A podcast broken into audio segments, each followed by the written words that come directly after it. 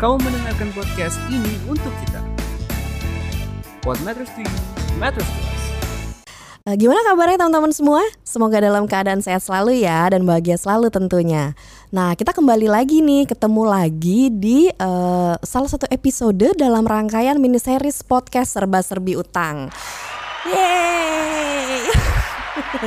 terima kasih, terima kasih. Perkenalkan nama saya Galuh Gayatri, salah satu staf dari DJPPR. Pada kesempatan kali ini kita mau ngebahas apa nih? Nah, pasti rekan-rekan DJPPR semua banyak yang penasaran nih.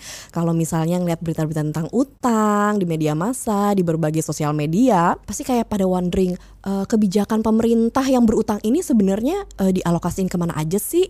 Eh, dimanfaatinnya ke sektor apa aja sih? Terus kerasa nggak sih bagi masyarakat?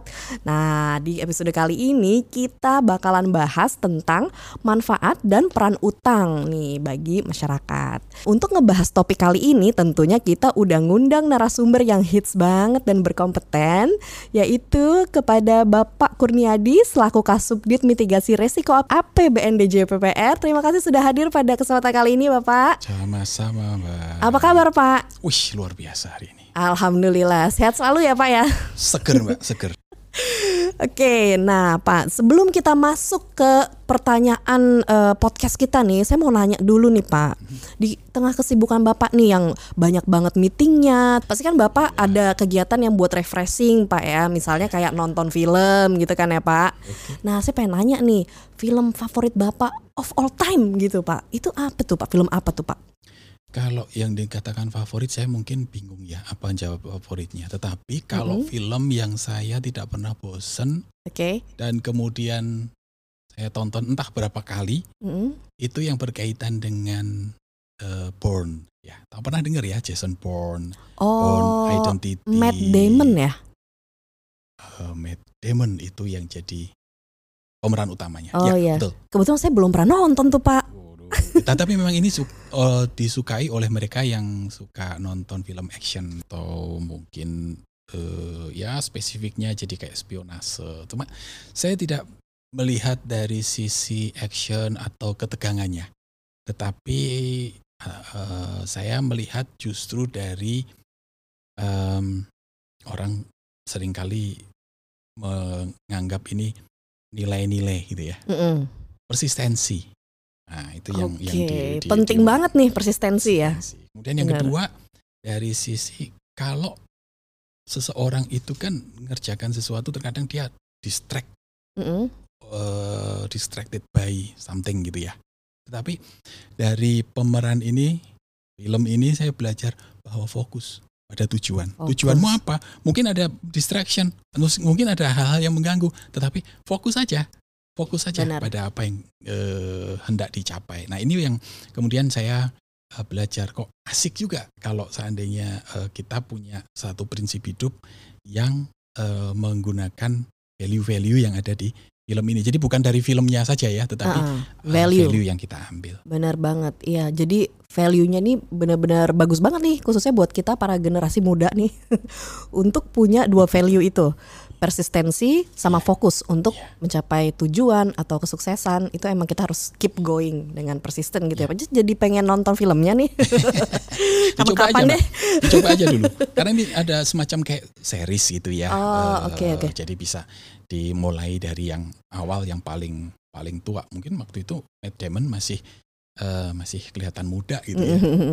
Oh, Beda Oke dengan oke. Sekarang udah 50-an dia. Oke sip sip Pak, nanti kita cari Pak.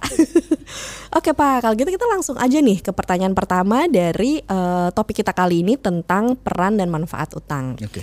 Nah Pak, jadi pembiayaan utang nih, kebijakan pemerintah eh, pembiayaan utang ini itu sebenarnya dialokasikan atau dipakai eh, untuk apa aja Pak? Dimanfaatkan untuk apa aja? Eh, apakah mungkin untuk sektor infrastruktur atau ada aspek-aspek lain atau sektor-sektor lain yang juga dibiayai eh, yang eh, dimanfaatkan dari pembiayaan utang ini Pak?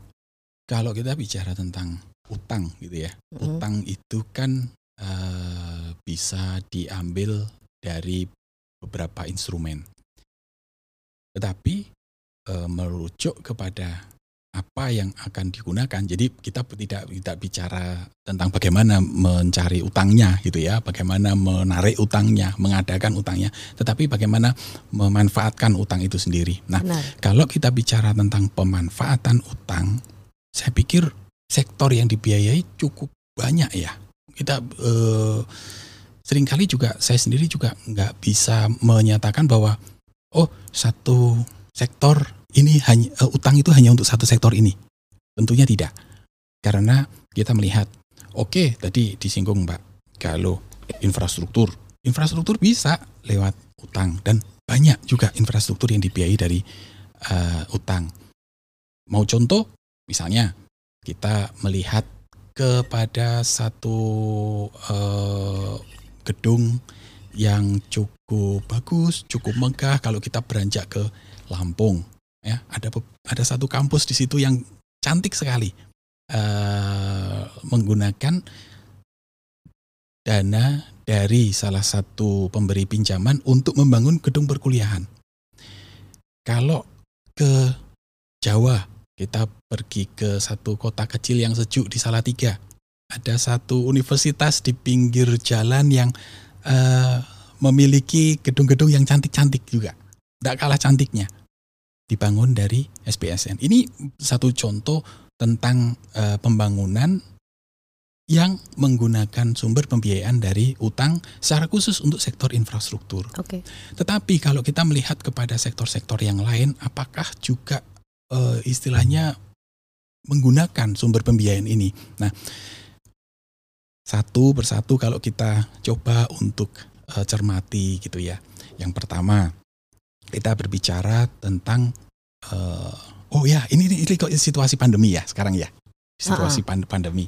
Nah, apakah utang juga eh, kemudian memberikan dukungan bagi eh, pengeluaran pemerintah untuk mendukung bagaimana meng- mengatasi pandemi ini? Ya, saya katakan iya.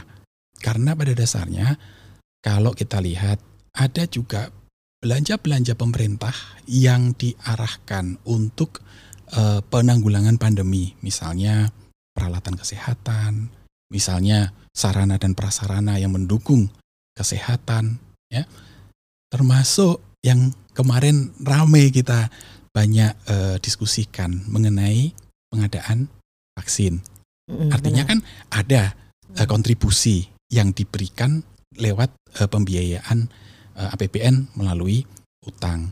Kemudian kalau kita melihat dari sisi general financing ya atau mungkin pembiayaan tunai yang digunakan untuk belanja itu juga eh, kita bisa merunut satu persatu misalnya untuk perlinsos ya perlindungan sosial masyarakat untuk eh, bos ya ini kaitannya juga dengan eh, sektor pendidikan. Pendidikan. dan ini masih masih banyak sektor-sektor yang lain artinya begini kalau kita melihat pemanfaatan utang yang kemudian kita kaitkan dengan pengeluaran pemerintah ini diartikan sebagai satu upaya pemerintah untuk memberikan dampak nyata kepada masyarakat.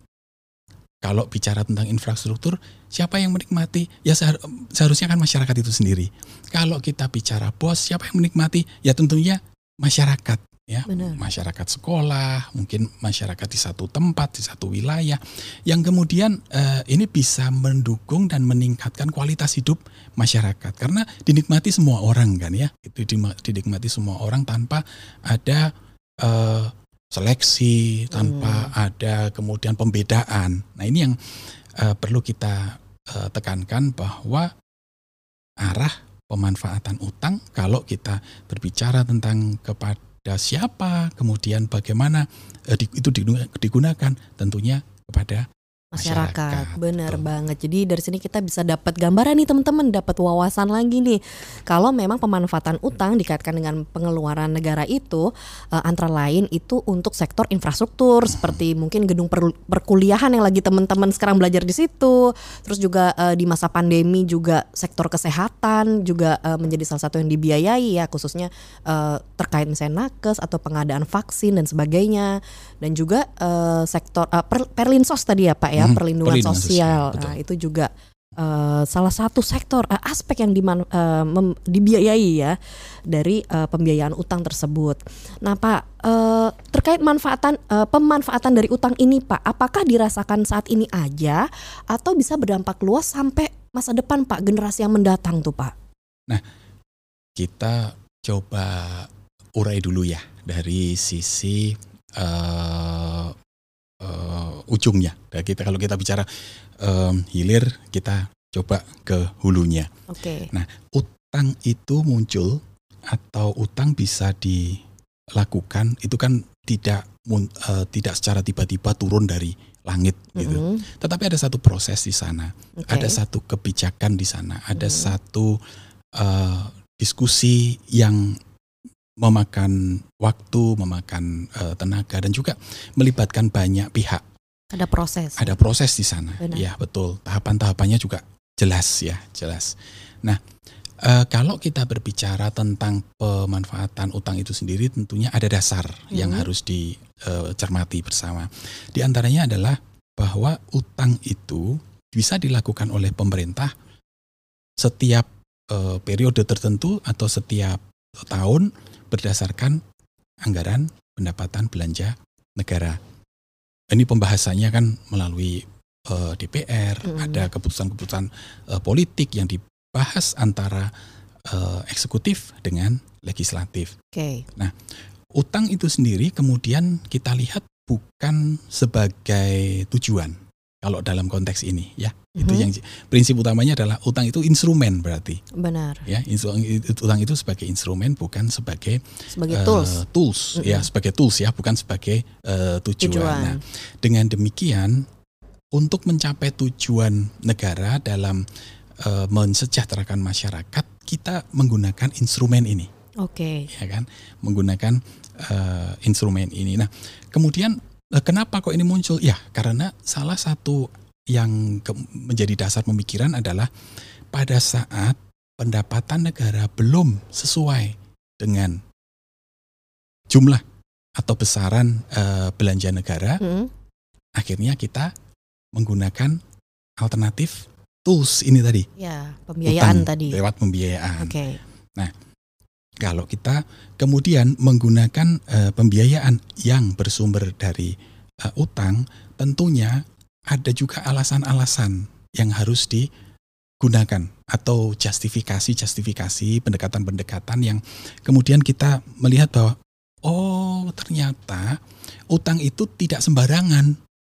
Gitu kan. Salah satunya adalah bahwa di dalam proses pe- atau mungkin dalam satu proses atau periode waktu tertentu kita perlu memanfaatkan momentum momentum pembangunan Benar. ya kan kalau kita biasa pakai mobil manual jangan Mhm. metik ya pakai mo- mobil manual Oke. itu kan Gimana tuh, antara antara gas Mm-mm. kopling Ah, itu kan harus seimbang ya Benar. kalau enggak macet kan mm-mm. Nah, Kalau kemudian eh, kita sudah jalan dari gigi satu naik ke gigi dua, naik ke gigi tiga, kita kan harus mengatur eh, antara gas dengan kopling ini supaya tiba-tiba mesinnya tidak mati, kan Hmm. begitu. Nah, inilah yang disebut dengan momentum. Artinya eh, kalau pertumbuhan ekonomi kita sudah berjalan dengan level yang diharapkan, tentunya kita harus mempertahankan level itu. Menjaga. Salah satunya Hmm. adalah kita jaga ini Mm-mm. kecepatannya, gitu kan ya, atau mungkin percepatannya. Ini kan harus harus eh, kalau eh, di dalam eh, menjaga kecepatan kendaraan ini antara akselerasi dengan velocity ini kan Mm-mm. eh, harus harus seimbang gitu ya. Benar. Nah untuk itu eh, momentum ini dijaga lewat salah satunya dengan pembiayaan. Oke. Ya, lewat menjaga pembiayaan. pe- Nah. momentum. Oke. Kalau kita berbicara dengan momentum, ini kan bukan hanya berbicara tentang satu periode saja. Mm-mm. Ini tentunya ada satu rangkaian periode dari jangka pendek yang membangun satu periode jangka menengah dan pada akhirnya jangka panjang. Panjang. Contohnya gimana? Ada satu bangunan yang dibuat, dibangun, dikonstruksikan, ya, kemudian dinikmati. apakah itu kemudian dinikmati hanya dalam jangka waktu dua bulan saja? Tentu kan tidak, Iya. ya kan? Karena bangunan itu dibangun tentu kan punya usia yang eh, sudah diperkirakan sebelumnya, sudah Mm-mm. direncanakan sebelumnya. Apakah itu lima tahun, ataukah itu 10 tahun, atau bahkan lebih? Seperti misalnya kalau kita bicara tentang jalan tol, itu itu kan kita berbicaranya tidak hanya dalam waktu dua atau tiga tahun, Benar. tetapi kan bisa puluhan Iya, tahun bahkan bisa lama banget. 30 tahun kan gitu. Benar. Nah, ini kan artinya apa? Eh, kalau kita berbicara tentang pemanfaatan, apakah itu dampaknya hanya jangka pendek saja? Tentu kan tidak. Kita punya perencanaan bahwa apa yang dibangun tentu dampaknya, eh, manfaatnya bisa dinikmati secara jangka menengah. Syukur-syukur bisa lebih panjang lagi. Benar Pak. Jadi pembiayaan ini tidak hanya untuk saat ini aja Pak. Jadi ini memang sudah diperkirakan secara Hmm. komprehensif nih. Udah ada perencanaannya ya Pak. Tadi Betul. prosesnya juga sudah Bapak jelaskan. Jadi ini tidak hanya untuk saat ini tapi diharapkan generasi-generasi mendatang nanti dari fasilitas-fasilitas yang sudah dibangun sekarang itu bisa dinikmati ya. Jadi ada Ya. multi multiplier efek di masa yang akan datang juga Betul. ya Pak ya. Betul. Jadi tidak Betul. hanya satu periode saja. Nah, ini nih Pak terkait eh, hal tersebut, eh, mungkin Bapak bisa share eh, contoh konkret nih Pak, proyek-proyek strategis apa aja sih yang dibiayai oleh utang ini Pak? Iya. Eh, eh, contoh tadi kalau kegiatan atau sektornya aja banyak. Mhm. Tentu harusnya contohnya juga banyak. Iya, gitu ya. kayaknya banyak banget nih Pak. Mungkin beberapa Banyak, yang banyak, betul. ini Bapak mau Nah, share? Kalau kita berbicara tentang strategis dulu nih Mbak, Mhm. Eh, strategis itu kan mempunyai atau mengandung nilai penting gitu ya. Iya. Strategis itu penting. Kemudian yang kedua eh, sudah melalui proses atau perhitungan, ya kan. Mhm. Yang ketiga, nah ini yang penting adalah dampaknya, Benar. Impact. dampaknya, impact, gitu ya. Mm. Terus kemudian masalah jangka waktu, tadi saya eh, bicara tentang jangka waktu, Mhm. tentu jangka waktunya kita harapkan sesuai dengan perencanaan tentunya eh, jangka panjang. Nah kita Mhm. kalau melihat kepada kecenderungan yang terjadi sekarang ini, eh, banyak proyek-proyek yang dibiayai dari eh, pembiayaan yang sumbernya dari utang ini yang mendukung pembangunan infrastruktur. Mhm. Antara lain kalau kita berbicara tentang sektor transportasi, gitu lah. Oke. sektor transportasi kita melihat bahwa eh, ada banyak sekali eh, proyek-proyek yang dibangun di sektor transportasi yang ditujukan untuk mendukung konektivitas antar eh, kota. Mhm.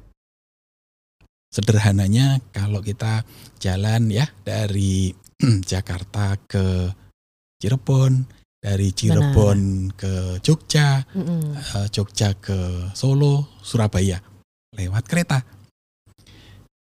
Bisa dibandingkan ya, mungkin di awal-awal 80, awal-awal 90, kalau kita naik kereta, hampir di tiap stasiun itu kita berhenti, Berhenti. menunggu kereta yang lain lewat.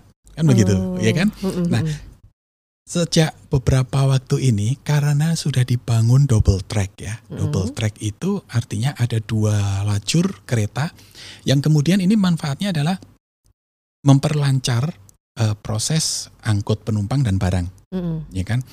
Jadi dari arah Jakarta ke timur itu ada jalur sendiri, Mhm. dari arah timur ke Jakarta ada jalur sendiri. Oke.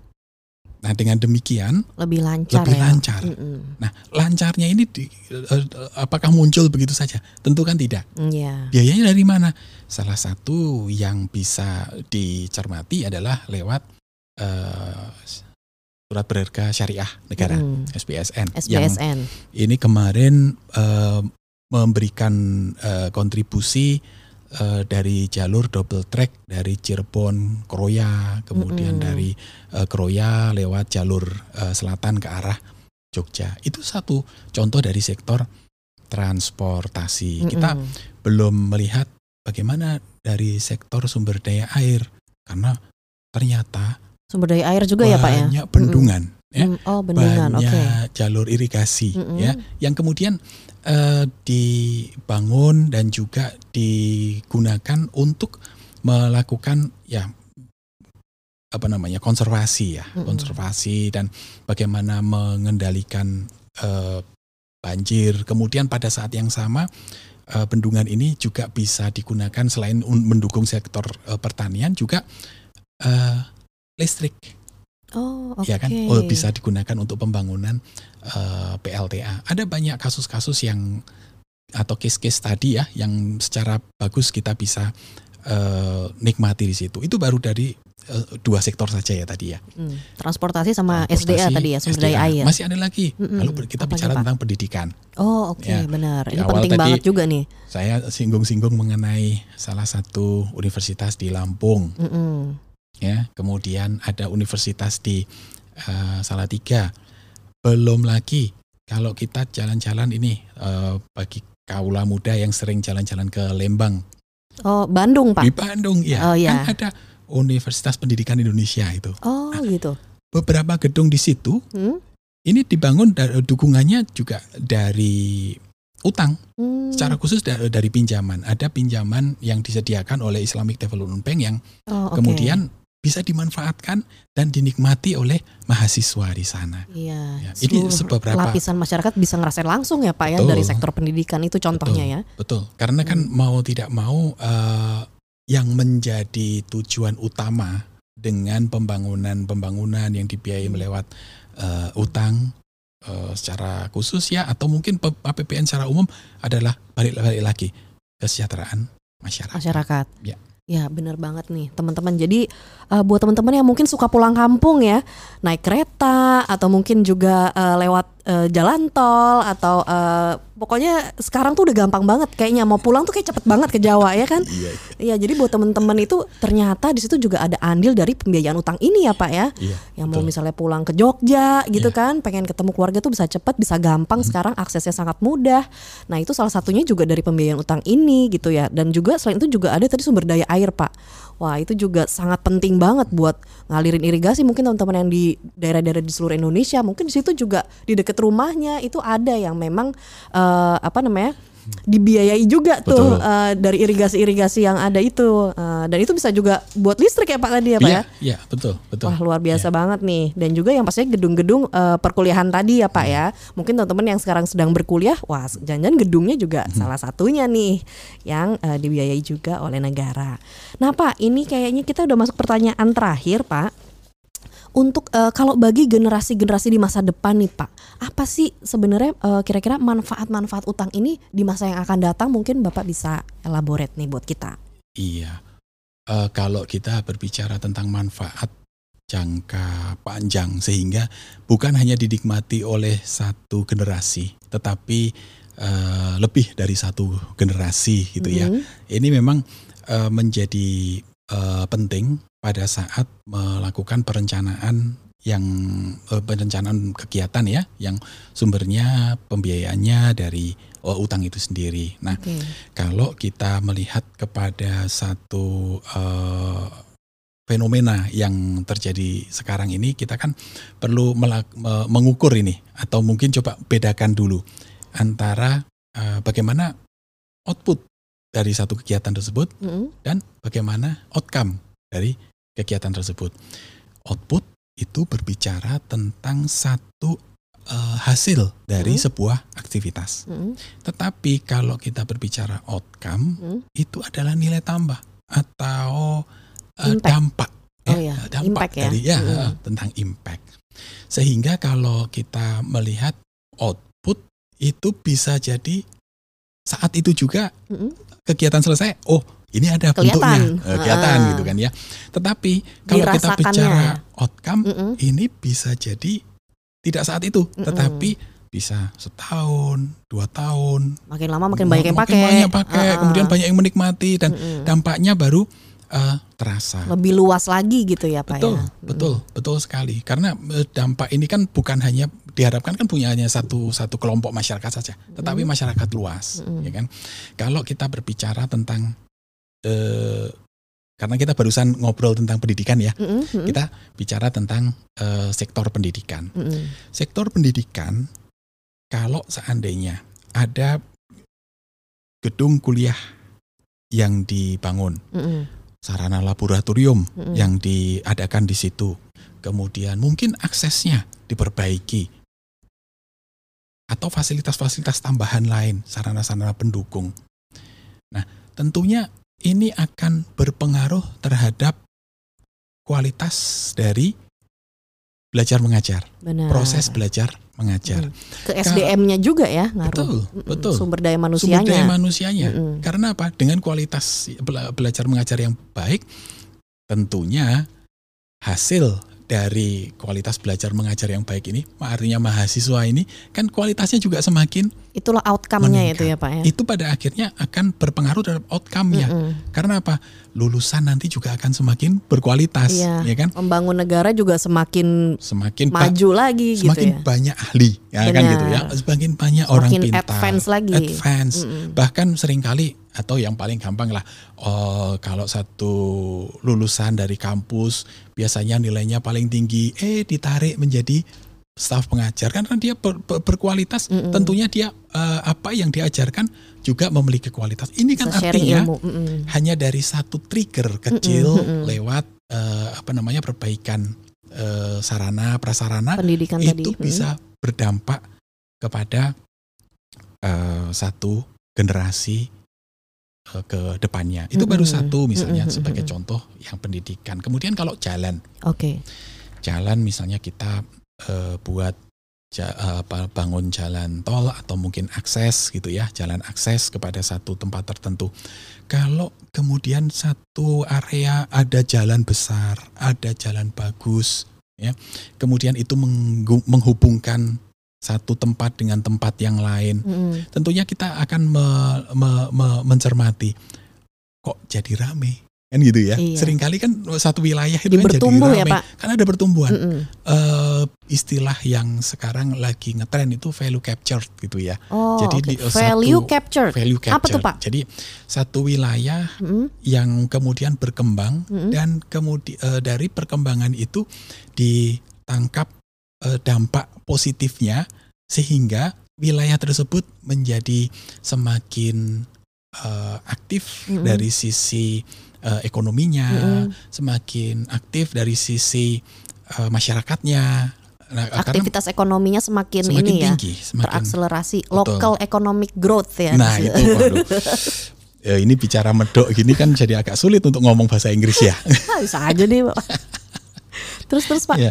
Nah eh, kalau kita bisa melihat seperti itu kan eh, apabila satu wilayah kemudian berkembang, tentunya dampaknya misalnya eh, nilai jual objek pajaknya juga meningkat. Oh, berpengaruh ke pendapatan juga ya, Pak? pendapatan eh, wilayah tersebut. Mm-mm. Kemudian juga eh, semakin banyak masyarakat yang bekerja. Mm-mm. Artinya lapangan pekerjaan juga lapangan semakin pekerjaan luas ya. Semakin banyak, semakin Mm-mm. luas. Ini mungkin kita tidak sadari tetapi jangka panjang kan model-model seperti ini eh, dinikmati oleh eh, masyarakat. Artinya kalau kemudian itu dilakukan secara tepat guna ya eh, proses pembiayaan tadi dari sisi perencanaan, pemanfaatan itu dilakukan secara tempat guna, secara efektif, secara efisien, tentunya ma- eh, manfaat ke depannya juga pasti bisa dirasakan dan dinikmati. Mungkin itu, Mbak.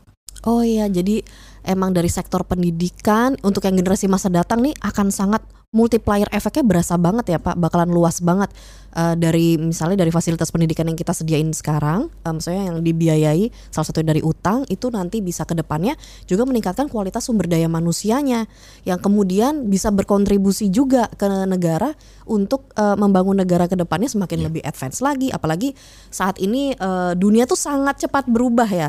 Ada Dinamis. banyak shifting, cultural shifting, economic shifting, digital transformation. Jadi itu kan tentu saja membutuhkan eh, sumber daya manusia yang juga lebih advance, tech savvy dan juga lebih keep up gitu kan dengan change yang sangat eh, cepat berubah gitu Pak.